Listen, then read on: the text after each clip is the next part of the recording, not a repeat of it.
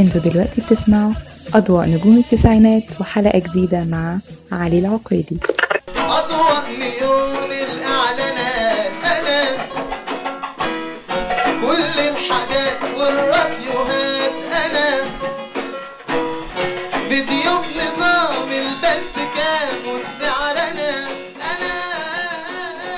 مساء الخير إزيكم يا جماعة؟ وحلقة جديدة وأضواء نجوم التسعينات في حاجات كده أول ما بتسمعها بيجي في بالك على طول حد معين.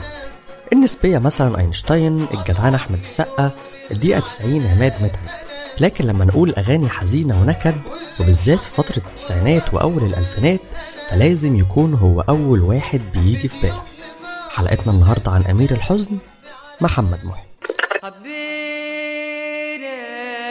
حبينا حبينا وقسينا ودرينا ما نسينا.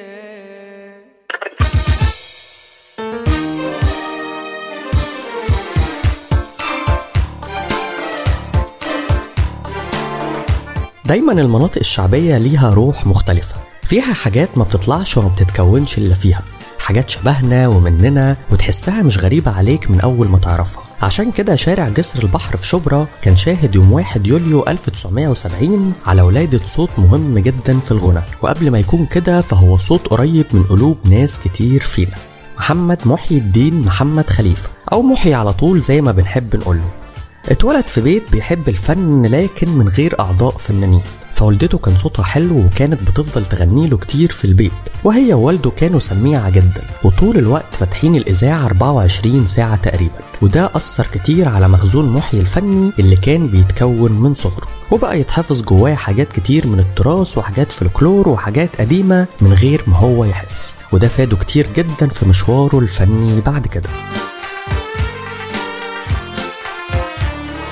في خمسة ابتدائي كده ابتدى محمد محي يتعلم القرآن ويجوده وده كان ألف به علم النغم بالنسبة له. الجميل في الأمر إن محي أصلا كان في مدرسة راهبات وكان حافظ ترانيم كتير جدا وده طبعا كون جواه مزيج غريب من الفن بكل أشكاله وألوانه. ومع الوقت ابتدت المواهب تظهر واحدة واحدة عند محي. شوية يقلد المدرسين شوية يمثل شوية يغني لحد ما انضم لفرقة الموسيقى في المدرسة وهو عنده 13 سنة. في الأول كان في الكورال وبعدين بقى هو المغني السولو بتاعها وبقى يغني في المناسبات وفي حفلات المدرسة وكان ليه قبول كبير جدا مجرد بس ما يتسمع. دخل محي كلية سياحة وفنادق وقرر يخش بعدها معهد الموسيقى العربية عشان يتعلم المزيكا والغنى صح وكمان عشان يعمل الحاجة اللي بيحبها. وفعلا دخل محي المعهد وابتدى يتعرف على ناس كتير منهم مثلا حسام حسني اللي كان أكبر منه بدفعتين وبقوا صحاب جدا بعدها لدرجة إنهم كانوا بيعيشوا مع بعض في نفس البيت.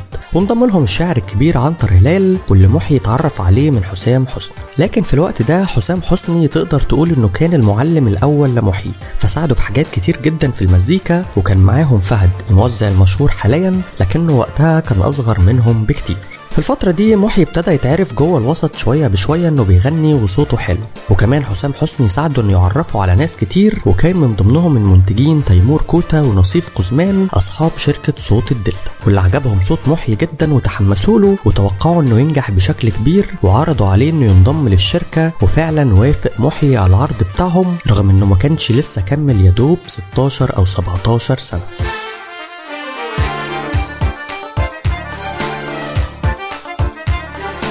ابتدى محي يروح استوديوهات ويتعرف على ناس أكتر زي المطرب الجميل الشاب عراب اللي كان بيعمل أول ألبوماته وكان متولي توزيع الألبوم ده لكابو حميد الشاعري. وفي مرة عثمان هلال أخو الشاعر عنتر هلال خد محي من إيده وراح عرفه على حميد اللي أول ما سمع صوته انبهر لدرجة إنه نادى على كل الناس اللي كانوا في الاستوديو عشان ييجوا يسمعوا صوت محي. ومن بعدها والكابو بقى بيشجعه ويساعده عشان ياخد أول خطواته في الغنى.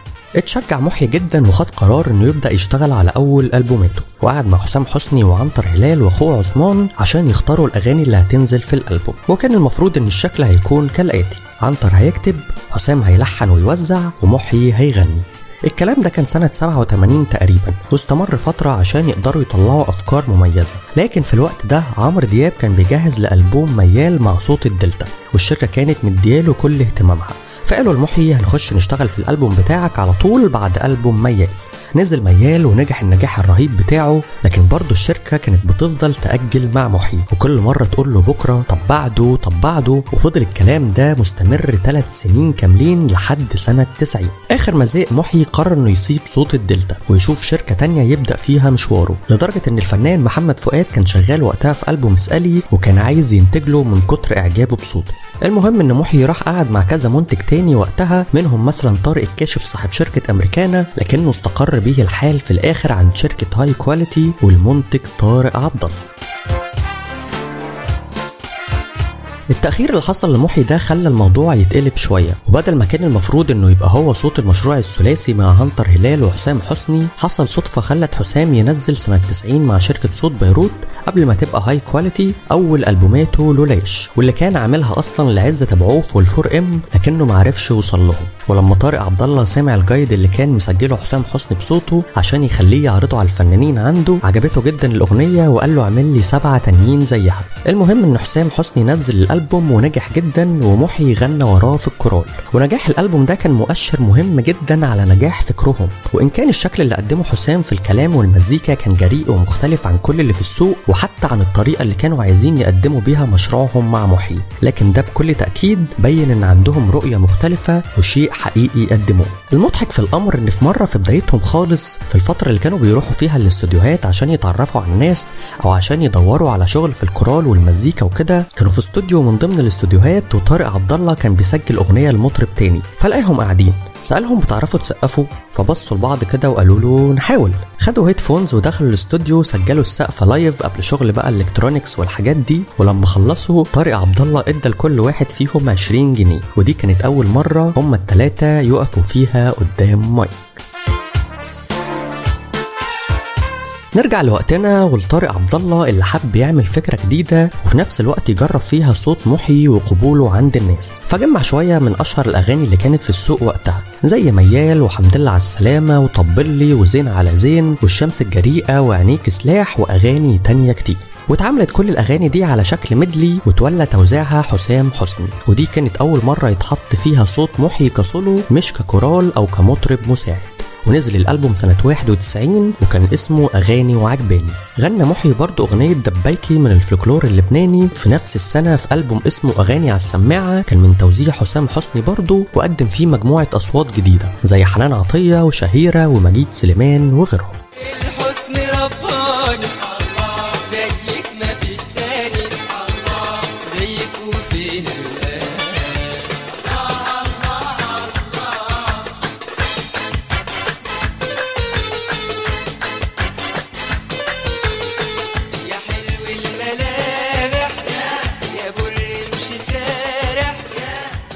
التجارب دي كانت كفيلة بالنسبة لطارق عبد الله إنها تخليه ياخد قرار إنه يعمل لمحيي أول ألبوماته الحقيقية واللي نقدر نقول إنه اتأخر حوالي أربع أو خمس سنين كاملين. لكن السنين دي كانت مهمة جدا لمحيي في إنها خلته يكتسب خبرة كبيرة من التجارب اللي عاشها والظروف الكتير اللي مر بيها. ده غير إنها وفرت له وقت كافي يقدر يبني فيه مشروعه بشكل محترم ويشتغل على الأفكار اللي عايز يقدمها والشكل اللي حابب إنه يظهر بيه. وده خلى الألبوم يكون شبه جاهز تقريبا من ناحية الأفكار ومش ناقصه بس غير شوية حاجات بسيطة وإن هم يبدأوا يسجلوه وينزلوه السوق كان مفترض إن حميد الشاعري يكون موجود في الألبوم ده مع محيي لكن انشغاله الكبير وتوزيعه أغلب ألبومات المطربين في مصر وقتها خلته ما يبقاش موجود. وده إدى دفة القيادة كاملة لحسام حسني اللي كان هو الأب الروحي لتجربة محيي بكل المقاييس. وده أكيد كان أفيد لأنه كان أدرى بالمشروع وبالأفكار اللي عملوها وبمحيي نفسه. ده غير إن عنده فكره الموسيقي المختلف وإن كان طبعا اتأثر كتير بحميد والطريق اللي رسمه لكل موزعين مصر لكنه بالتأكيد كان ليه رؤيته اللي بتميزه عن غيره. أنتوا دلوقتي بتسمعوا أضواء نجوم التسعينات مع علي العقيلي.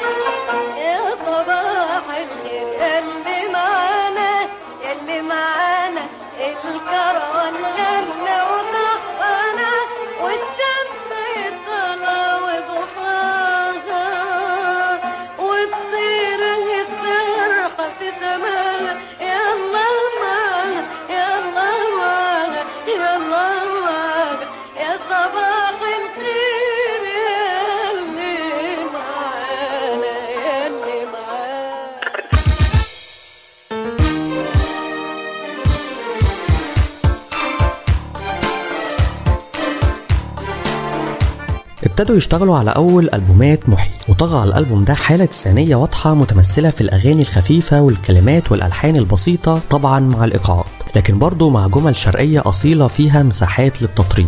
وده بان في أغاني زي هقولك اللي ظهرت فيها الكوله ويا جمالها وتعرفي بجمل الأكورديون غير بناديكي وحدوتة اللي كانوا من ألحان محمد محيي نفسه. وده كان مؤشر إننا قدام موهبة حقيقية مش بس في الغنى لأ وفي التلحين كمان.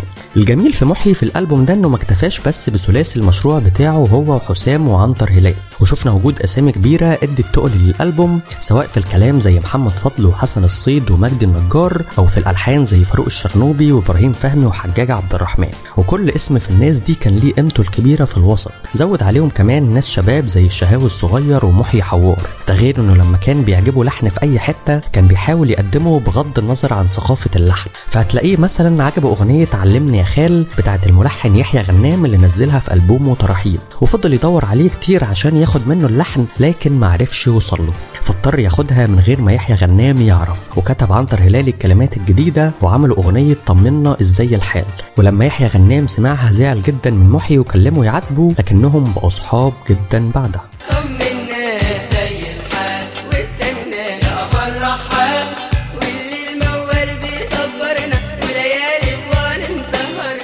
نفس الكلام في أغنية يا ريت اللي بدون شك هي واحدة من أجمل أغاني الألبوم لكنها في الأصل أغنية الحب اللي عايش للمطرب الليبي نجيب الهوش وفرقة الموسيقى الحرة الليبية واللي كانت واحدة من أكتر الفرق اللي قدمت مزيكا عظيمة مختلفة في السبعينات والثمانينات وفي مطربين كتير استعانوا بألحانها في أغانيهم في بدايتهم وعلى رأسهم حميد الشاعري وعمرو دياب.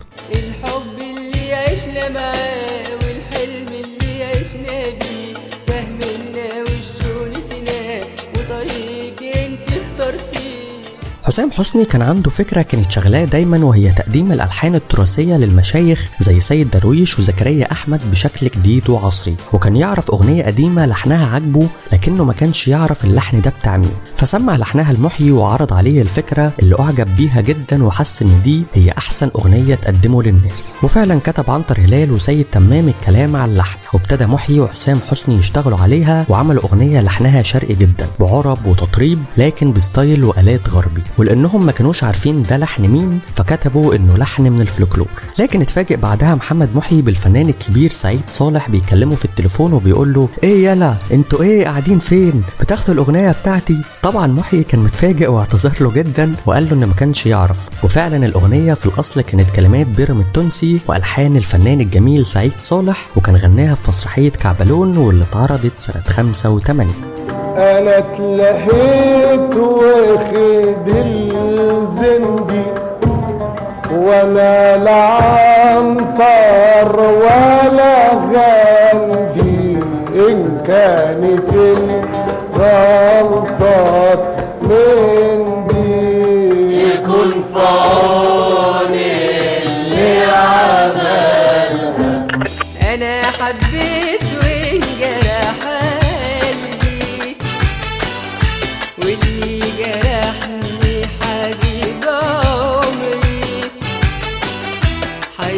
ليه في الهوى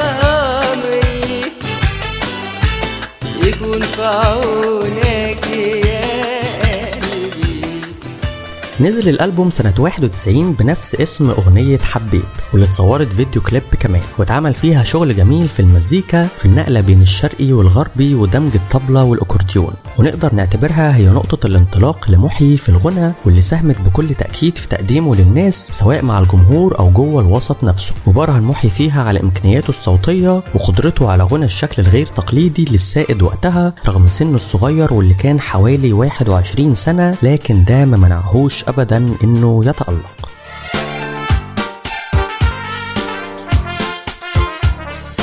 وإن كانت أغنية أنا حبيت ليه أهمية كبيرة في بداية محيي فالأكيد إن أغنية على البال والخاطر ليها أهمية مشابهة بالظبط لكذا سبب. أولهم إنها نزلت في ألبوم الكوكتيل High Quality واحد مع أسامي منهم النجوم ومنهم الشباب زي فارس وأحمد جوهر وأميرة والشاب عراب وهشام عباس. ووقتها كانت ألبومات الكوكتيلات في أوج نجاحها لكن السبب الأكبر بالتأكيد إن الأغاني دي كانت من توزيع حميد الشاعري واللي كان مجرد ظهور اسمه على cover الألبومات كفيل إنه ينجحها. وفي كتير كانوا بيفتكروها هي أول أغنية عملها محي في مشواره من كتر النجاح اللي حققته له مع الناس.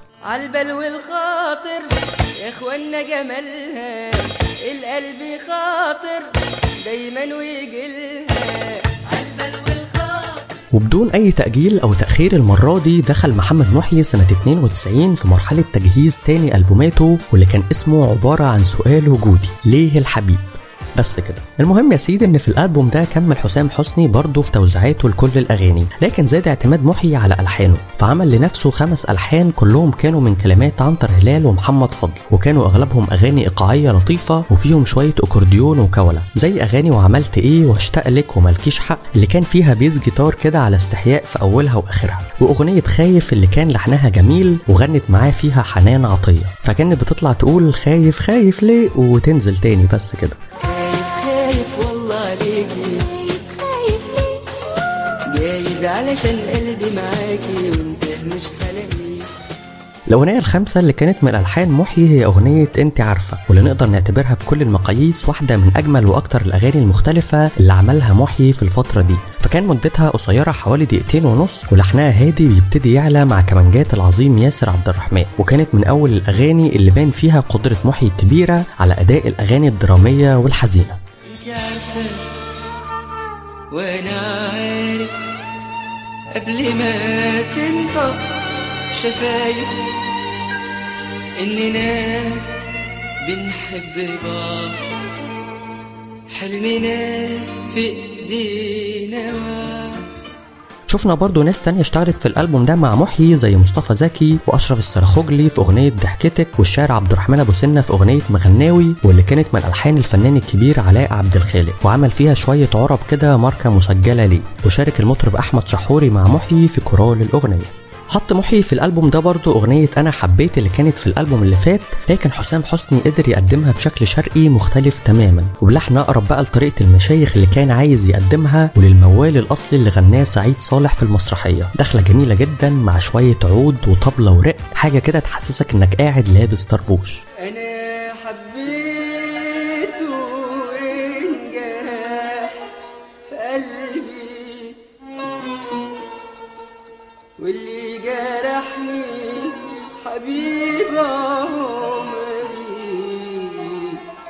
حيرت ليه في الهوى يكون في وبما إن محيي من الناس اللي بتحب الفلكلور جدا زي ما قلنا وعنده ثقافة موسيقية كبيرة هو وطبعا عنتر هلال اللي هتلاقيه عامل أعمال كتير جدا معتمدة على الفلكلور لفنانين غير محيي. فده خلى يبقى فيه أغنيتين في الألبوم ده من الفلكلور زي أغنية بعتب عليك واللي كتب عليها محمد فضل الكلام لكن الأغنية الأهم بالتأكيد كانت أغنية ليه الحبيب. الأغنية دي في الأصل هي دور من الفلكلور المصري وتنسب للشيخ عبد الرحيم المسلوب واللي كان واحد من مؤسسين فن الدور في أواخر القرن ال19 لكن كلامها كان بيقول الحبيب لما هجرني على طول من غير ليه. وغناه بعد كده ناس كتير تانية زي علي الحجار ومحمد نوح اللي أبدع فيها. وكمان اختلطت مع فلكلور السمسمية في محافظات القناة وبعض مدن البحر الأحمر. وبسبب قرب المدن دي من البحر فوصل كمان للسعودية واختلط بالتراث الينبعاوي نسبة لمدينة ينبع. وبيغنوه هناك والله الحبيب لما هجرني. وغناه برضه ناس كتير زي الفنان محمد عبده واللبناني عزارة حبيب. لكن بالتأكيد نسخة محيي ليها طعم مختلف. بكلمات عنتر هلال الجميلة واللمسة المصرية بتاعتنا في مزيكة حسام حسني واللي كمل بنفس أفكاره فيها بإعادة تقديم غنى المشايخ بشكل وأسلوب جديد غير طبعا طريقة غنى محيي اللي زودت للأغنية جمال واللي صورها كمان فيديو كليب.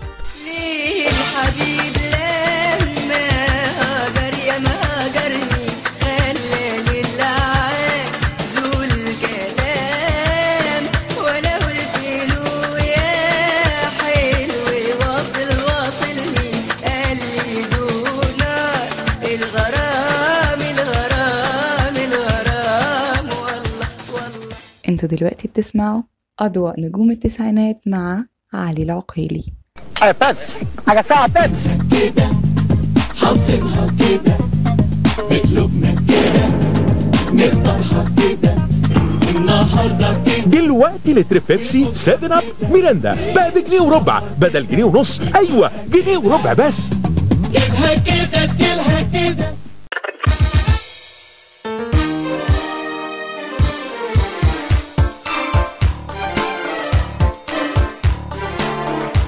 الفترة دي في التسعينات كانوا الفنانين قريبين من بعض جدا على المستوى الشخصي قبل الفني وده كان بيبان في شغلهم ومساعدتهم لبعض. فمثلا هتلاقي في ألبوم أنا حبيت لمحيي كان الكورال عبارة عن هشام عباس وفارس ومجيد سليمان وأشرف حسن. وعلى الناحية التانية برضه هتلاقي إن محيي بيغني في الكورال ورا ناس زي حسام حسني في ألبومات لولاش وكل البنات بتحبك. وغنى معاه هو وداليا في أغنية ما تنكريش. وغنى برضه ورا مصطفى السقا في ألبوم فينك وورا علي حميدة في مال الشوق ومعنداني ومع زينب في أغنية ذكرى واللي كانت هي أول ألحان محيي اللي يعملها لحد غيره. وبدأ بعدها يعمل لمطربين تانيين كتير. فلحن أغنية يوم حلو ويوم مر لسيمون وأغنية يا خبر لحلمي عبد الباقي ويا لطيف لعبد الله سيف وعشقتك وما تسألنيش للفنان الكبير علاء عبد الخالق. لكن من أهم الحاجات اللي عملها محيي وقتها هو دويتو مع الفنانة الكبيرة حنان ماضي في مسرحية طائر الحب الحزين. من ألحان وتوزيع ياسر عبد الرحمن وكانت مسرحية باليه ونزلت سنة 92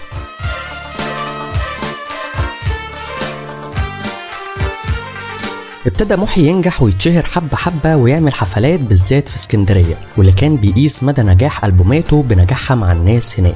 لكن كل النجاح ده كان كوم واللي حصل في سنة 94 كان كوم تاني. محي كان قاعد بيشتغل في ثالث ألبوماته اللي كالعادة كان حسام حسني متولي توزيعه الموسيقي وابتدى يهتم أكتر بتقليل الإيقاعات بنسبة معينة وتهدئة ال rhythm مع ظهور أكتر لآلات وترية ونحاسية تانية. تزامن ده برضه مع نضوج محي شوية في التلحين وعمل لنفسه خمس أغاني يبان فيهم ده زي أغنية تاني اللي اتعملت كليب وكانت من كلمات محمد فضل.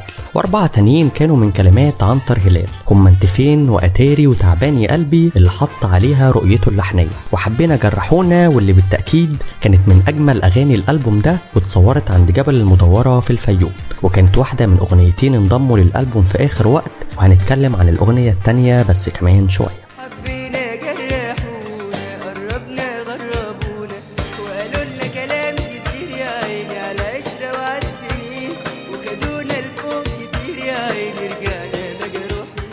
شفنا الفنان علاء عبد الخالق بيعمل تاني ألحانه المحيي في أغنية من الأول كلمات خالد منير. وشفنا برضه ناس تانية زي الفنان علي رضا أخو محمود رضا بتوع الفرقة. والشاعر سمير محبوب في أغنية حتى الهوى واللي كان كتب قبل كده أغنية صفيني مرة لعبد الحليم حافظ. وشفنا برضه رضا زايد ومحمود طلعت في أغنية بحور الهوى واللي كان توزيعها إلى حد ما مختلف بإيقاع الطبلة وفيها استخدام مش بطال للجيتارات والكمانجات.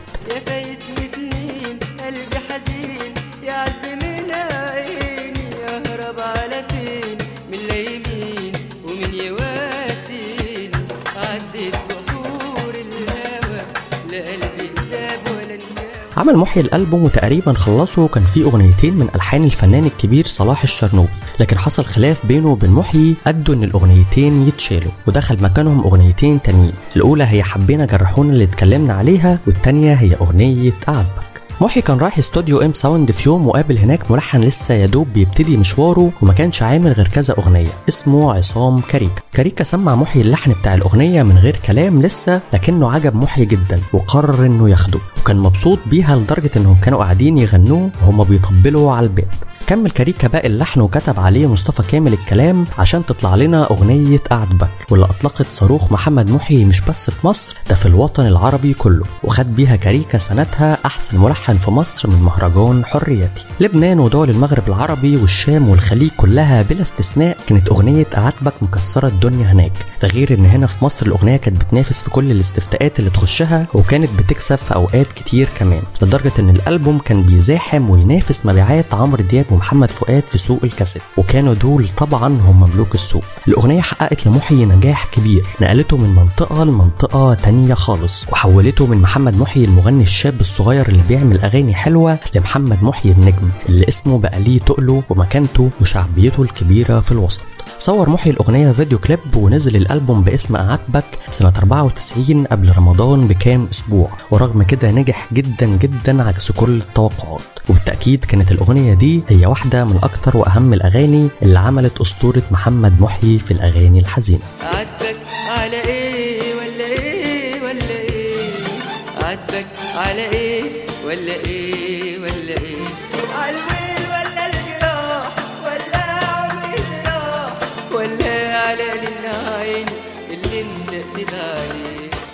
بعد النجاح الكبير اللي حققه محي في ألبوم أعاتبك خلاه يبتدي يخاف. يخاف إنه يعمل حاجة ما تعجبش الناس أو حاجة تاخد من نجاحه. لكنه في نفس الوقت برضه حس إن بقى ليه قاعدة كبيرة يتسند عليها. وده طبعا اداله ثقة وخلاه يبتدي يغير ويتجرأ ويعمل أفكار جديدة ومختلفة جدا على محيي وعلى السوق عموما. وده بان بشكل كبير في ألبوم روح قلبي واللي نزل سنة 95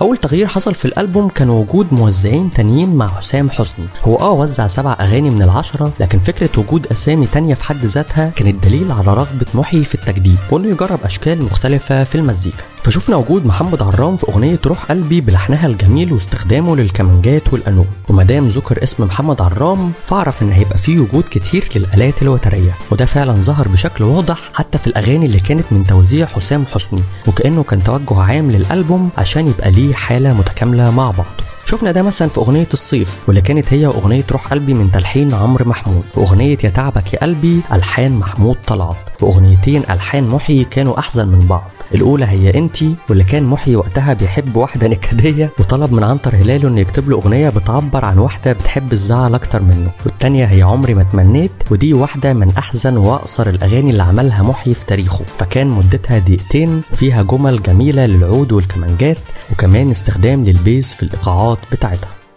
أنا عمري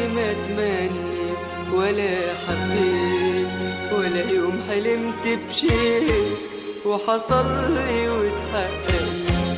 شفنا برضو ناس تانية لأول مرة تشتغل مع محيي زي الملحن وفا حسن في أغنية الصبر جميل من كلمات الشاعر العظيم أحمد فؤاد نجم واللي ما كانش موافق في الأول إنه يتعامل مع محيي لكن محيي فضل يلح عليه كتير لحد ما اقتنع في الآخر ووافق. وشفنا برضو الملحن الليبي الكبير ناصر المزداوي في أغنية قلبي عليك واللي كانت دويتو بين محيي وداليا أو فيروز المنصورة زي ما كان بيطلق عليها. والحقيقة إن صوتها الملائكي كان واحد من أهم نقط قوة الأغنية. أما الموزع التاني اللي ظهر في الألبوم ده هو فهد وهتتفاجئ أكتر لما تعرف إن فهد وقتها كان عنده 13 سنة بس. محي وفهد وحسام حسني يعرفوا بعض من زمان جدا زي ما قلنا ومحي دايما بيقول عليه إن أخوه أو ابنه. ومن كتر موهبته وحبه وشغفه بالمزيكا كان بيساعد محي في الألبومات اللي قبل ده في إنه يحط التصور الموسيقي ليها حتى لو محي مش هياخده. وفهد وزع في الألبوم ده أغنيتين أولهم هي حلوة الحياة من ألحان محي وكلمات عنتر هلال اللي كتب سبع أغاني في الألبوم. ووزع محمد عرام الوتريات بتاعتها. فظهرت لنا أغنية مزيج بين ال romance وال classic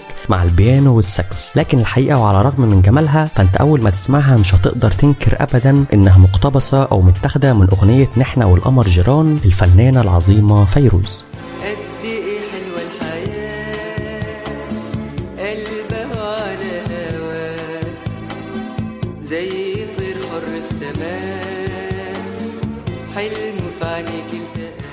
الأغنية التانية اللي وزعها فهد هي أغنية نداء. وهات لك كوباية شاي كده عشان الأغنية دي حكايتها طويلة شوية. الملحن الكبير عبد العظيم عويضة اللي عمل لمنير أغاني كتير زي الجيرة والعشرة والناس نامت واللي هي أحد أغانيه المفضلة لمنير بالمناسبة كان عايز يسلم الراية لابنه شادي ويساعده إنه يخش الوسط من باب كبير وكان الباب ده بالنسبة له هو منير لكنهم للأسف كانوا انفصلوا فنيا من فترة فطلب من الشاعر حسن رياض إنه يديله كلمات أغاني عشان شادي يلحنها. اداله فعلا أغنيتين واحدة اسمها باسمك حبيبي ودي هنرجع لها كمان شوية والتانية اسمها بتنعس العمدان ودي اللي تهمنا. المهم إن شادي مجرد ما خلص تلحينهم اداهم لحسن رياض عشان يعرضهم على منير. لكن منير ما تحمسش ليهم. شادي ما يقصش وخد الأغنيتين وعرضهم على محيي اللي عجبوه جدا لكنه طلب يغير الكلام. طبعا شادي أحرج يقول للشاعر حسن رياض انهم هيخلوا حد تاني يكتب كلام على الأغاني لكنه اتفاجئ لما ما منعش. وفضل محيي يدور على كلام يليق على لحن بتنعس العمدان لحد ما افتكر قصيدة سمعها زمان اسمها نداء للشاعر الكبير مرسي السيد. كان بيقولها بصوته بين فواصل ألبوم مش مشهور لناس كتير اسمه حبك انتحار وقرر محيي يروح له عشان يطلبها منه. مرسي السيد وقتها كان مبطل ومش حابب يشتغل مع حد جديد لكن إصرار محيي وطريقته خلت مرسي السيد يقتنع وكمان عرض عليه قصايد تانية لكن محيي كان مصمم على قصيدة نداء. وقعدوا يختاروا المقاطع اللي هتتحط منها في الأغنية واللي اعترضت الرقابة على كتير منها بحكم مفرداتها الحادة عن الخيانة وإنها أصلا ما تصلحش للغنى. لكنهم عدلوها ونزلت الأغنية في الآخر في الألبوم ودي كانت أول لحن يتكتب عليه اسم شادي عويضة. أما بالنسبة لسبب تسميتها كده رغم إن ما فيهاش كلمة نداء فكان فيها في الأول recitative بيقول نداء نداء. من شخص حبها وداري بطبعها لكل الطيبين والناس المخلصين نداء. اوعى لو قابلتكم لو صدفة يوم حبيبتي تصدقوها. بسمتها كذابة دمعتها جذابة راح تجرح قلوبكم وتفوتكم غلابة نداء. لكن المنتج طارق عبد الله قرر إنه يشيل الحتة دي لأنه ما كانش أصلا موافق على الأغنية من الأول وحس إن محي يتجنن بالجزء ال recitative ده. وال recitative هو كأنك بتلقي كلام بس متلحن بشكل بسيط جدا. ده غير إن فهد والملحن شادة عويضة عملوا الأغنية بشكل أقرب للغربي من غير ربع تون. وطبعا ده كان أحد أشكال التغيير في الألبوم بعد أغنية اعاتبك واللي كانت أغنية شرقية جدا. ده اللي انت طايره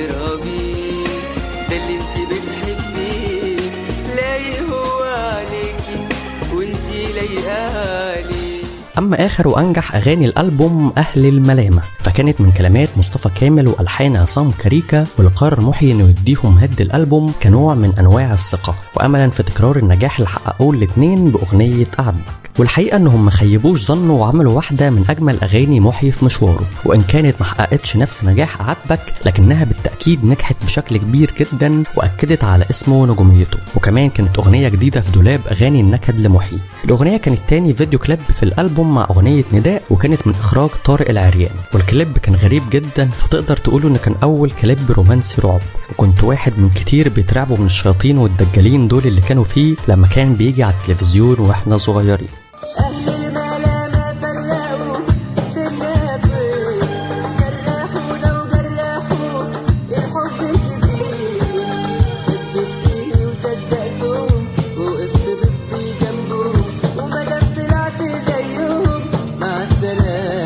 وأشوف وشك بخير. أنتوا دلوقتي بتسمعوا أضواء نجوم التسعينات مع علي العقيلي. طمتي وخالته وطنتي لبان هارتي حريفة لبان قلت لهم على هارتي قالوا لي يا سلام.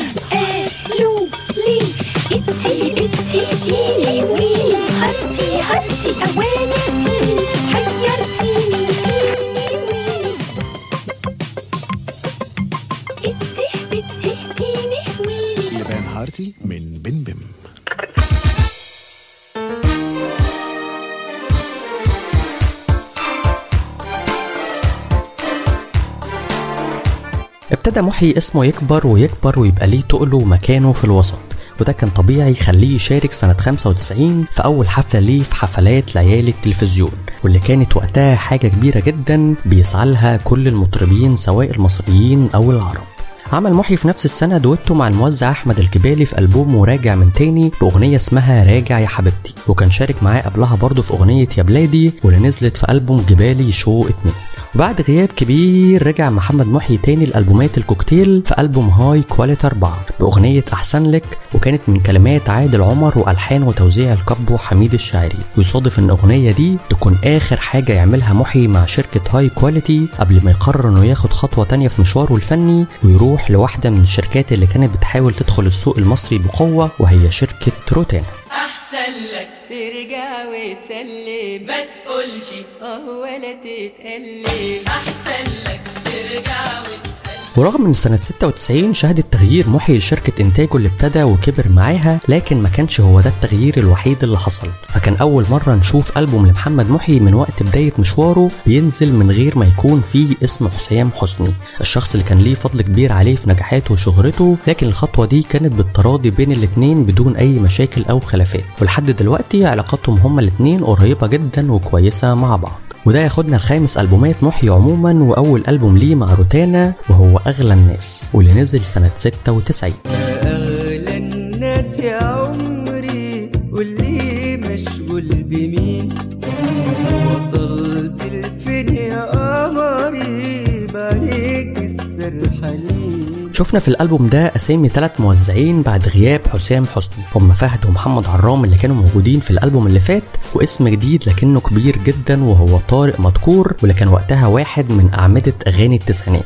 وعمل لمحي في الألبوم ده ثلاث أغاني هم حبيبك التاني كلمات هاني الصغير وألحان وفا حسين ويا هوا وكل ما فيا من ألحان محي. وكانوا أقرب شوية لشكل أغاني التسعينات التقليدي بالإيقاعات مع فواصل موسيقية بأكورديون أو ساكس وكم آلة وترية تانية. وكتب محمد عرام وتريات الألبوم كله باستثناء أغنية باسمك حبيبي كتبها شادي عويضة وعلى ذكر محمد عرام فوزع في الألبوم ده ثلاث أغاني. أولهم من غيرك واللي كانت هي السبب في نزول الألبوم يوم 9 11 96 الشاعر مرسي السيد لما كتب الأغنية واداها لمحيي محيي لحنها من أول مرة من كتر ما اتأثر بكلامها. وكان ناوي يختار تاريخ نزولها على أول عيد أم من غير والدته. لكن مرسي السيد قال له أنا حقي أنا اللي أختار التاريخ. واختاره فعلا وكان لسبب شخصي. حبيبتي من غيرك نبض موقوف حبيبتي من لون السماء مخطوف أحلامي رعب وخوف. كل الشوارع زفت الأغنيتين التانيين لمحمد عرام كانوا كلمات الشاعر الكبير صلاح فايز وألحان خالد الأمير وهم أغلى الناس اللي كانت اسم الألبوم واتعملت بشكل شرقي جميل جدا بأغنية صدقتني واللي صادف إن محي سمعها عند خالد الأمير في الاستوديو وهم شغالين في أغنية أغلى الناس. وكانت معمولة في الأساس لعمرو دياب عشان تنزل في ألبوم راجعين لكنه ما نزلهاش. ونزلت على النت بعدها بفترة تقدروا تعملوا عليها search وتسمعوها بصوت عمرو دياب هتلاقوها باسم ما أنا قلت لك. لكن محي حب الأغنية جدا وقرر يشتغل عليها وفعلا سجلها ونزلها في الألبوم صدقتني ما أنا قلت لك هتحن ليه وأحن لك. الموزع الثالث في الألبوم كان فهد وعمل أربع أغاني. هم لسه فاكر ألحان محيي وباسمك حبيبي. ولو تفتكروا فدي الأغنية التانية اللي كنا قلنا إن شادي عويضة وحسن رياض عرضوها على منير لكنه رفضها. المهم إن محيي سمع الأغنية لعنتر هلال عشان يكتب كلام جديد على اللحن بتاعها. لكنه خد المذهب بالكامل وأعاد صياغته تاني وكمان سابها بنفس الاسم. فالمذهب بتاع حسن رياض كان بيقول باسمك حبيبي هسمي الندى وسمي المدى وسمي المواسم وبكرة اللي راسم عيونك مباسم حنينهم بدا. حط عنتر هلال بقى التاتش بتاعه عليها فبقت باسمك حبيبي بيحلى الندى ويملى المدى غناية لعيونك وعشق لجنونك وخدر غصونك بقطر الندى. الغريب إن عنتر هلال وحسن رياض اتقابلوا بعدها بفترة في ندوة ثقافية ولما عاتبوا حسن رياض إنه خد الكلام عنتر هلال قال له ده محيي اللي قال لي إن هو اللي كاتب الكلام القديم. باسمك حبيبي بيحلى الهدى ويملى المدى غنايا لعيونك وعشق لجنونك واخدر وصولك بقطر الندى أما الأغنيتين التانيين لفهد في الألبوم فكانوا من الفلكلور وهم موال الحنين وآن الأوان والحقيقة إنه أبدع في توزيعهم بأشكال موسيقية مختلفة وجديدة وقتها وكأنه بيكتب شهادة ميلاد لنفسه كموزع هيكون ليه مكانة كبيرة في الوسط بعد كده. أغاني فهد كلها كانت كلمات عنتر هلال واللي كتب في الألبوم ده خمس أغاني وصور محي أغنية يا هوا فيديو كليب. لكن للأسف الألبوم رغم إنه كان فيه أغاني جميلة لكنه محققش النجاح المطلوب منه. ما نقدرش نقول إنه فشل لأنه كان موجود على الساحة بشكل كويس لكنه بالتأكيد ما كانش بنفس النجاحات بتاعه الألبومين اللي فاتوا. بس فضل محي مكمل في مشواره وخد وقته وبدأ يشتغل على الألبوم اللي بعده واللي كان اسمه شارع الهوى.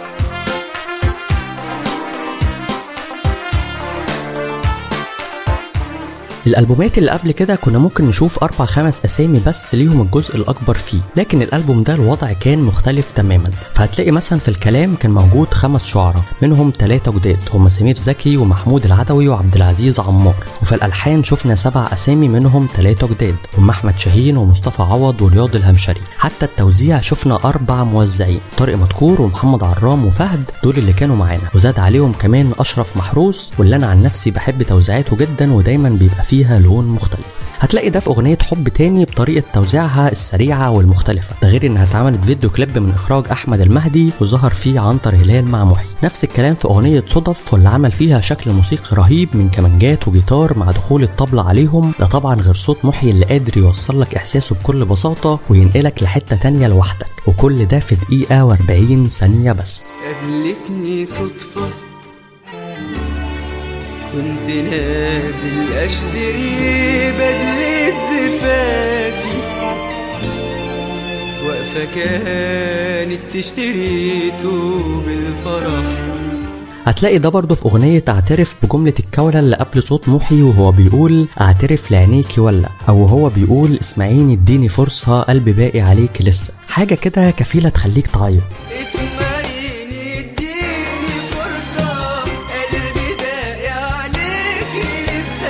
أما أغنية لالي فكان شكلها مختلف ومميز جدا. تحسه مزيج بين تيمة شعبية ليبية مع مزيكة المغرب العربي مع روح مصرية. إسماعيل البلبيسي عمل لحن رائع وقدر أشرف محروس إنه يطلعه في أحسن شكل. ودي كانت تاني أغنية تتعمل فيديو كليب واتصورت في مدينة شفشاون في المغرب. وهتلاقوا في بداية الكليب كام جملة كده للصلاة على الرسول بتتقال في الزفة المغربي وللترحيب بالضيوف هناك.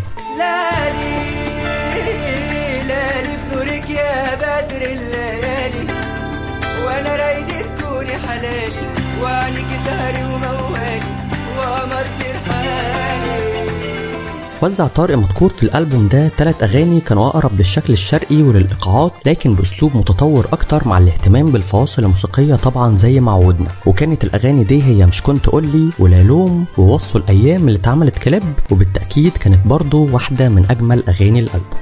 ظهر محمد عرام بأغنية واحدة هي حاول تفهم واتنين لفهد هما بعد إيه اللي أبدع في مزيكتها وشارع الهوى واللي بدون شك هي أكتر أغنية غريبة وشائكة ومثيرة للجدل في مشوار محيي كله. محيي سمع القصيدة دي عند الشاعر مرسي السيد وعجبته جدا فكرتها وجرأتها. لكن كل الناس تقريبا اللي سمعوها قبل ما تنزل نصحوا محيي ما ينزلهاش بما فيهم مرسي السيد نفسه. لدرجة إن مرة محيي قابل منير في استوديو من الاستوديوهات وسأله وقال له إيه رأيك في الأغنية يا أستاذ؟ أعملها. فمنير قال له تعمل إيه يا ابني انت مجنون؟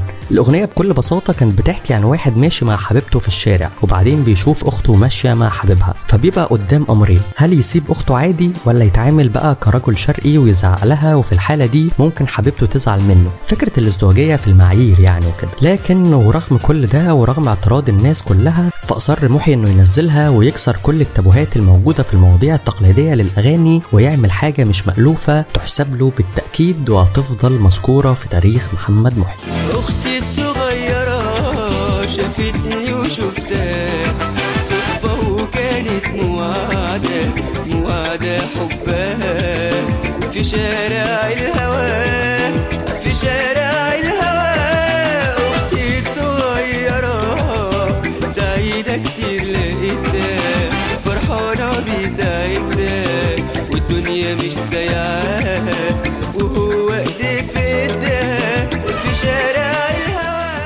وعلى قد اختلاف الناس اللي شاركوا في الألبوم فكان اختلاف المواضيع والأشكال الموسيقية ودي كانت حاجة مهمة جدا رسخ لها محي بقلبه مرة تاني فمن أول ما ظهر ما اعتمدش بس على شكل الأغاني التسعينات التقليدي لا كمان عمل معاها أغاني طربية وعمل أغاني بأشكال موسيقية مختلفة سواء من مصر بأغاني الفلكلور الكتير اللي كان حافظها عن ظهر قلب أو حتى أغاني عربية وبالتحديد ليبية. ومع نزول الألبوم سنة 98 عمل جدل واسع جدا بسبب أغنية شارع الهوى وعلى قد ما كانت الناس مستغرباها لكنها بالتأكيد ساعدت على انتشارها والناس بعد كده تفهمت الأغنية. أنتوا دلوقتي بتسمعوا أضواء نجوم التسعينات مع علي العقيلي شيكو بون؟ أظن. شيكو بون؟ أظن. أظن أظن أظن. أنه أنت شيكو بون. مهما ممكن شيكو بون. بنحبه دايما أظن أن الدنيا شيكو بون. شيكو بون شيكو بون شيكو بون. أح منه من شيكو بون. ولا أحلى من شيكو بون. ولا أطعم من شيكو بون. شيكو بون حبات لذيذة من جوه شوكولاتة ومن بره ملبس هاني ويل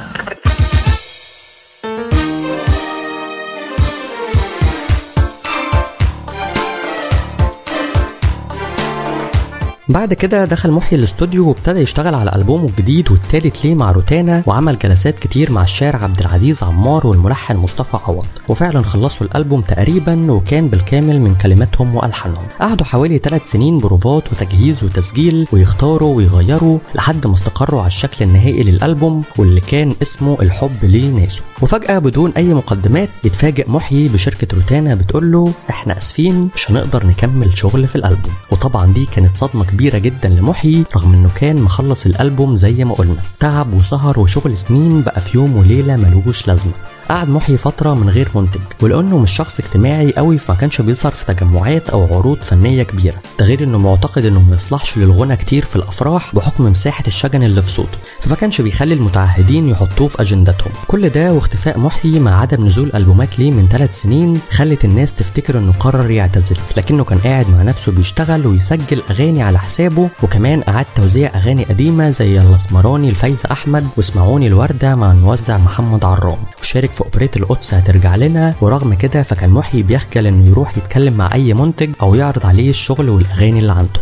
لحد ما في مرة اتقابل محيي بالصدفة مع المنتج نصر محروس صاحب شركة Free Music واللي كان في الوقت ده متخصص فعلا مش بس في اكتشاف المواهب لا وكمان في إنه يعمل نقلة وإعادة إحياء لمسيرة المطربين الكبار. وده اللي حصل بالظبط مع محيي لما قرر إنهم يشتغلوا مع بعض ويعملوا أول ألبوماتهم صورة ودمعة. صورة ودمعة وكام ذكرى هصبر بيهم على ابتدى محي يشتغل في الألبوم ويختار أغاني من الحاجات اللي كانت عنده على أغاني تانية جديدة لكن الحاجة اللي كانت واضحة هي فريق العمل اللي معظمه اتغير عن آخر ألبوم لمحي. فما كانش فيه غير خمس أسامي بس اشتغلوا مع محي قبل كده والباقي كلهم لأول مرة. وده كان شيء طبيعي بالنظر لثلاث سنين توقف وكمان لدخول مرحلة جديدة في شكل الموسيقى والأغاني من بداية الألفينات. وده اللي أي حد يقدر يميزه بكل سهولة مجرد بس ما يسمع الألبوم. الجميل في الموضوع إن ناس كتير من الأسامي الجديدة دي يكون ده أول عمل ينزل ليهم ويكون بداية مشوارهم الفني كله زي مثلا الشاعرة عبير الرزاز والموزع هاني يعقوب في أغنية في الأول واللي كانت من ألحان أشرف سالم وكانت من أجمل أغاني الألبوم. وعموما لو فضلت أقول على كل أغنية في الألبوم إنها من أحلى الأغاني حقيقي مش هبقى ببالغ لأنه واحد من أكتر الألبومات في مشوار محي اللي قدر يخرج بيها بشكل أقرب للمثالية. في الأول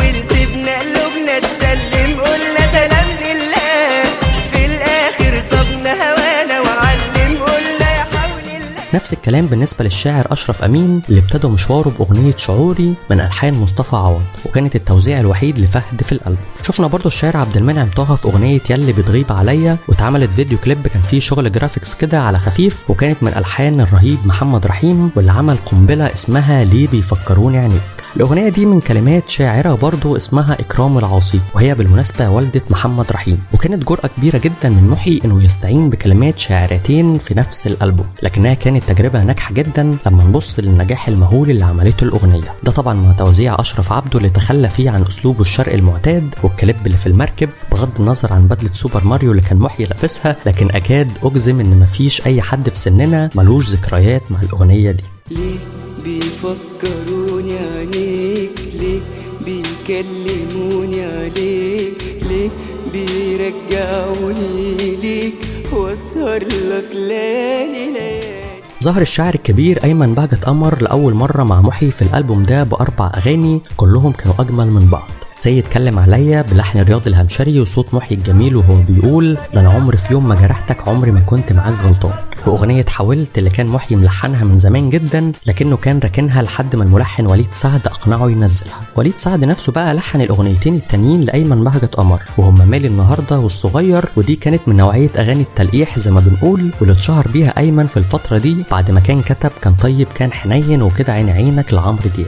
الأغنية الثالثة اللي لحنها وليد سعد هي أغنية صورة ودمعة من كلمات مصطفى كامل وكانت الأغنية الأقرب لشكل التسعينات في الألبوم بالمقسوم والشكل الشرقي. لكنها كانت واحدة من أكتر الأغاني اللي نجحت واتشهرت بكمية الشجن في صوت محي واللي بقى ماركة مسجلة لده. آخر أغنية في الألبوم بحبك واللي كانت دويتو بين محي والمطربة الشابة اللي لسه بتحط رجليها على أول سلمة في الغنى وبتعمل أول حاجة ليها شيرين. نصر محروس عرف شيرين من الملحن صلاح الشرنوبي وكان عايز ينتج لها لكنها كانت مع شركة إنتاج تانية. ولما الشركة دي قفلت قبل ما تبدأ أصلا شيرين كلمت نصر محروس وراحت له فعلا ومضى معاها عقد وخلاها تسجل كذا أغنية. في الوقت ده محي كان بيجهز في الألبوم وكانوا لسه ما استقروش مين اللي هيغنوا معاه في الدويتو. واقترح إنهم يقدموا صوت جديد وكان متحمس لصوت شيرين لما سمعها عند نصر محروس. واللي برضه اقترح فكرة الدويتو وكان متحمس جدا إنه يقدم صوت شيرين. وبالفعل ابتدوا يشتغلوا على الأغنية واللي كانت الكوبليهات اللي اتغنت فيها أصلا معكوسة. فكان كل واحد المفروض يغني الكلام اللي التاني غناه. لكن شيرين حبت الكلام بتاع محي وهو وافق بدون أي اعتراض.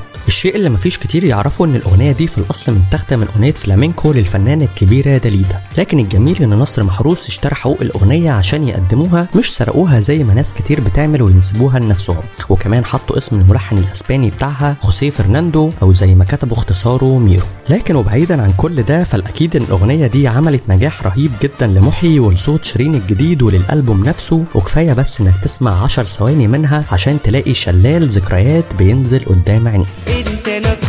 حبيبي وبس ولا أيام بعدك تتحس.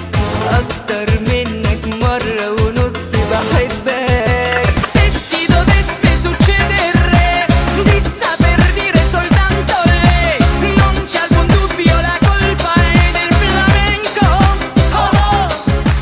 وزع محمد مصطفى الدويتو ده وكان واحد من ضمن خمس موزعين اشتغلوا في الألبوم مع هاني يعقوب وفهد. وأشرف عبده وأشرف محروس وده خلى فيه تنوع كبير في أشكال المزيكا. غير التطور نفسه اللي حصل وخلى الأغاني تميل للريتم الأهدى. حتى أغاني المقسوم أو اللي كان فيها إيقاعات كتير كانت معمولة ب style أجدد و quality أحسن. وعلى ذكر ال quality فما ينفعش نغفل quality الصوت نفسه وال digital master اللي عمله مهندس الصوت أمير محروس. واللي لحد دلوقتي هو واحد من أشطر الناس في مصر. كل دي كانت عوامل ساعدت على النجاح الساحق للألبوم وكانت نقلة مهمة جدا في مشوار محيي وإعادة اكتشاف ليه من نصر محروس. ساعدت على رجوعه من تاني للواجهه وللنجاح والأرقام المبيعات الكبيرة اللي قدر بالألبوم ده إنه يحققها ويكسر بيها السوق.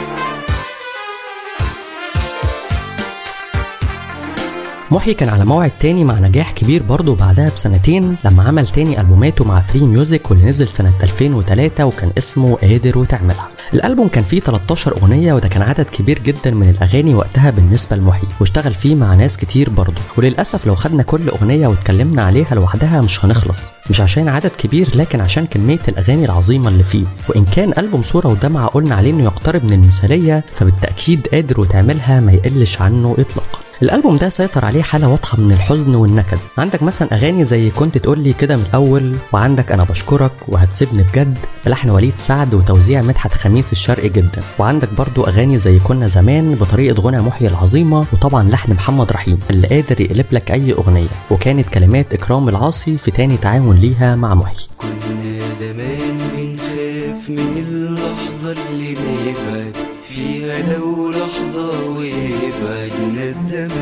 لسه مكملين مع النكد طبعا وأغاني زي في ليله أو بتحب نفسك. أيمن بهجت قمر ظهر بأغنيتين في الألبوم من كلماته ومخلينا أصحاب وطبعا كنت فاكرك ملاك. اللي محدش يقدر يختلف على جمالها.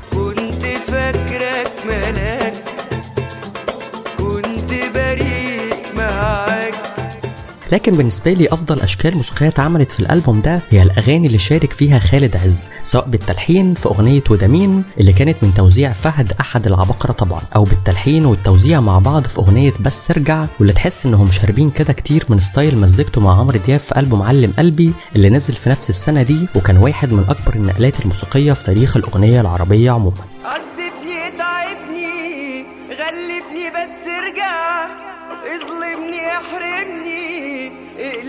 بس ارجع وباستثناء أغنية يلي بتغيب عليا اللي نزلت في الألبوم اللي فات واتعملت ريميكس في الألبوم ده من أمير محروس فالأغنية الوحيدة اللي كانت مبهجة شوية في الألبوم هي أغنية دايما بفتكرك يا حبيبي بال auto-tune المميز اللي كان في صوت محيي لكن هيفضل أكبر نجاح كان لأغنية قادر وتعملها. واعتقد كفاية بس إنك تسمع اسمها عشان تبقى عارف قد إيه كانت اختيار رائع وفي محله من نصر محروس واللي قرر يخليها head الألبوم. خصوصا إنها كانت غريبة على محي وعلى السوق عموما في style المزيكا إن ال head تكون hard rock مش مقسوم مثلا أو حاجة أخف. وكانت ألحان وتوزيع خالد عز عشان يتوج تألقه في الألبوم كله. وكانت من كلمات أمير طعيمة ده غير الكليب الجميل اللي أخرجه نصر محروس واللي كان تأكيد على موهبته الإخراجية كمان.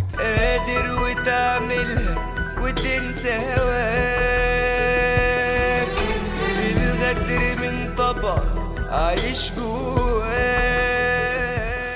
الألبوم نزل ونجح نجاح كبير جدا. وخليني أقول لك إن السنة دي نزل فيها ألبومات زي علم قلبي لعمرو دياب شاريني الفؤاد أحمر شفايف لمنير جرح تاني لشيرين ومقف لبهاء سلطان. لكنه قدر يبقى واحد من أكتر الألبومات اللي عملت إيرادات في السوق وعلمت مع الناس وبقيت تسمعها في كل الأماكن اللي تروحها. وكان علامة مهمة جدا في مشوار محيي أكدت على قيمته الكبيرة وبالتأكيد على كونه أمير للحزن. أنتوا دلوقتي بتسمعوا أضواء نجوم التسعينات مع علي العقيلي. هاتي الحلة. عالنار ويلا. وشوية زبدة. شوية صغيرين. هتدوب في الحلة. هتدوب في الحلة. لحمة مفروم مفروم أمريكانا. طعمة ومخدوم يا عيني يا عيني. مفروم وكأنه مفروم وكأن من صنع ايديك تسلم إيديكي. من امريكان على طول ويانا. بيطلع وتقول آه يا سيدي. مفروم أمريكانا كأنه من صنع إيديك.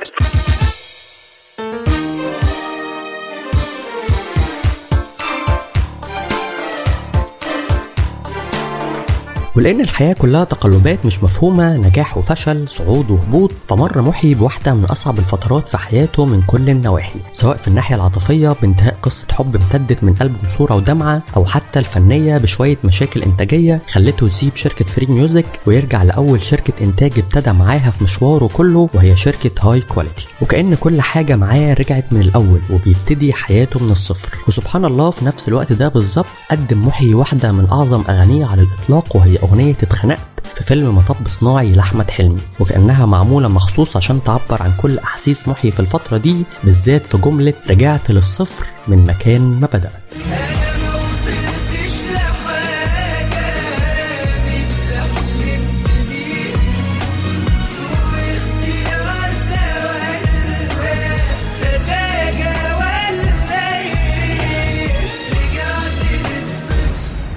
مكان ما بدأ. نزل فيلم مطب صناعي سنة 2006 وفي نفس السنة غنى محي تتر مسلسل مباراة زوجية وكان ديو مع دنيا سمير غانم. وقرر يتفرغ بعدها عشان يبدأ يشتغل في تاسع ألبوماته الفنية وآخر ألبوم ليه في مشواره حتى الآن. والله أعلم هيفضل كده لحد إمتى. مظلوم.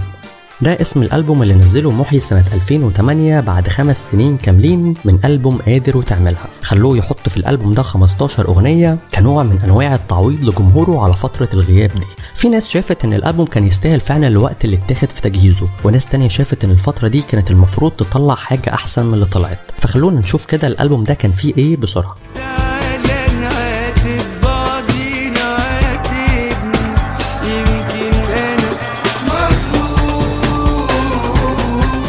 الجزء اللي إحنا سمعناه من الأغنية ده كان أول توزيع يعملوه ليها. وهي في الأصل أغنية من التراث الشعبي الصعيدي للريس حفني أحمد حسن. خدوها وابتدوا يشتغلوا عليها بشكل ومزيكا جديدة وطلعوا لنا أغنية فلكلور معمولة R&B وبعدين فهد اقترح إنهم يعملوا لها شكل تاني وفعلا عملوا لها ريميكس على شكل trance تخيل بتسمع trance فيه آلات شرقي شرقي إيقاعات ورق ومزمار ونقرزان فطلعت تجربة عظيمة جدا. وقرروا يضموها للألبوم ويصوروها فيديو كليب. وجابوا الفنانة الكبيرة جمالات شيحة كمان عشان تغني فيها وتزيد من عظمة الأغنية.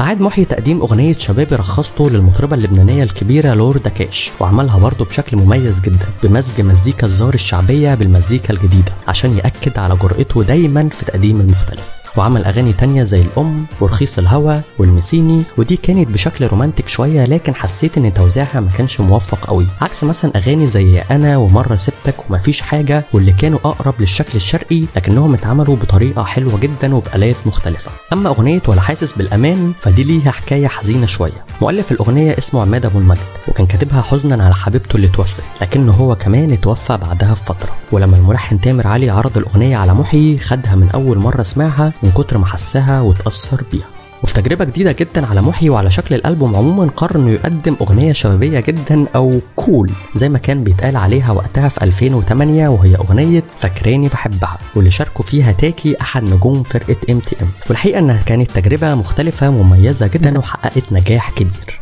فاكراني بحبها وأنا ما بحبش حد يقول لا.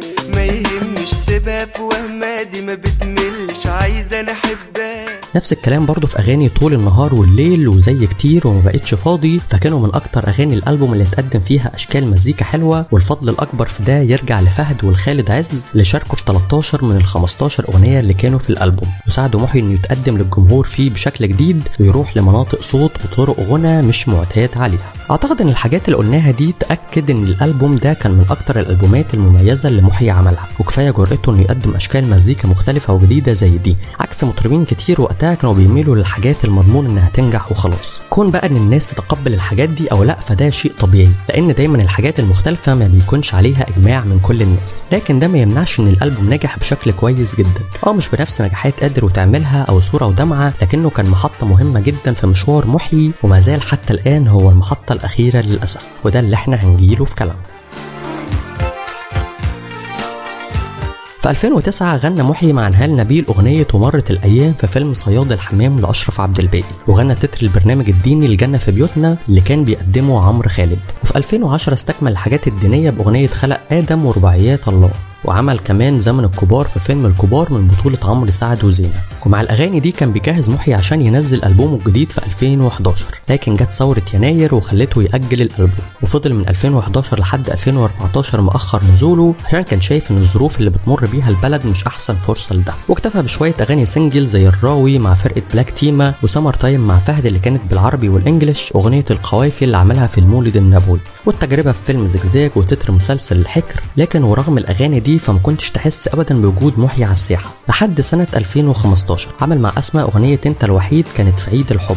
وأغنية تانية في آخر السنة اسمها الخوف من اللي جاي واللي طلع عليها إشاعات كتير جدا إن محيي هينزل ألبوم جديد ومن كتر اسمها الكئيب انتشر على ال social media poster fake على أساس إنه بتاع الألبوم وفي أغاني أسمائها غريب جدا زي ليالي العذاب ودفنت أحلامي وماتت حبيبتي وماتت حبيبتي ريميكس. وده طبعا كان هزار وقلش لكنه انتشر جدا لدرجة خلت page محيي الرسمية على فيسبوك تنزل post بنفي للموضوع كله. خوف من اللي جاي ما فرحتش في حياتي للآخر. نزل محيي سنجلات تانية زي مزيكا حزيني في 2016 ويا حنين في 2018 لحد ما طلع علينا في 2020 بخبر إنه هينزل ألبوم جديد اسمه محيي بتاع زمان. وابتدى ينزل مع شركة اسمها Music Records أغاني المفروض إنها هتكون في الألبوم ده. زي سهرانين واللي كانت أغنية حلوة جدا وفوضت أمري وقلت أخونه دي أنا بحبها عن نفسي يعني وقضية وبعدنا وإنت في دمي وأغنية إنت في دمي دي غناها عمرو دياب قبل كده زمان سنة 2004 في حفلة في سوريا لكن كانت بكلمات مختلفة شوية.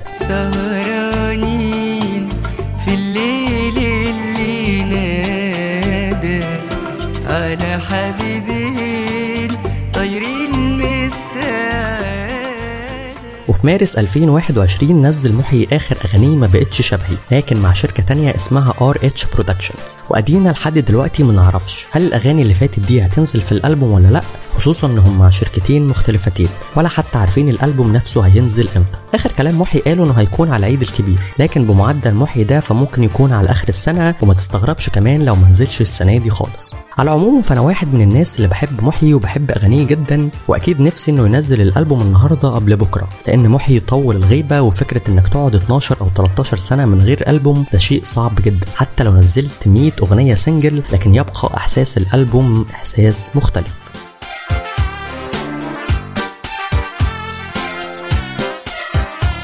يمكن يكون محيي اتشهر بنوعية الأغاني النكد والحزينة وده اللي خلى ناس كتير تطلق عليه لقب أمير الحزن. ومفيش شك طبعا إنه واحد من أهم الفنانين اللي غنوا النوعية دي من الأغاني وأبدعوا فيها ده غير إن هو نفسه بيقول كتير إنه بيرتاح في الغنى ده. ويمكن كمان لأن كتير من أغاني محيي ليها مواقف حقيقية سواء معاه أو مع الشعراء اللي كتبوا الكلام أو حتى بتكون بتعبر عن شعور حقيقي في وقتها. وده خلى الأغاني دي توصل بشكل أسرع وأصدق للناس. لكن ورغم كل ده ففكرة اختزال مشوار محيي كله في النوع ده بس من الغنى هو حاجة مجحفة جدا ليه.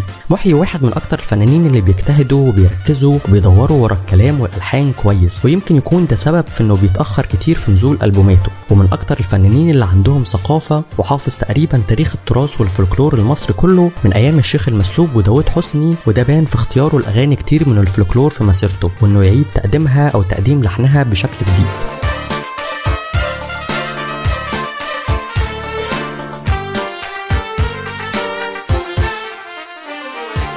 في النهاية حابين نقول إن محيي زي ما غنى حزين غنى فرايح كتير. شوف أغاني زي بحبك مع شيرين أو لالي أو في الأول أو حب تاني. وزي ما غنى من الفلكلور المصري غنى برضه بأشكال فيها تيمات عربية وعمل مزيكا شرقي ومزيكا غربي. وكان بيهتم جدا بالكلام والمواضيع بتاعت الأغاني وما كانش عنده مشكلة يقدم موضوع جديد حتى لو فيه مجازفة مادام هو حبه. لكن يظل صوت محيي هو بطل مسيرته الأول بدون منازع. الصوت الأول ما تسمعه هيدخل قلبك من غير ما تلحق تفكر أو تعمل حاجة. واللي سطر كتير من ذكريات الجيل اللي عاش معاه في التسعينات.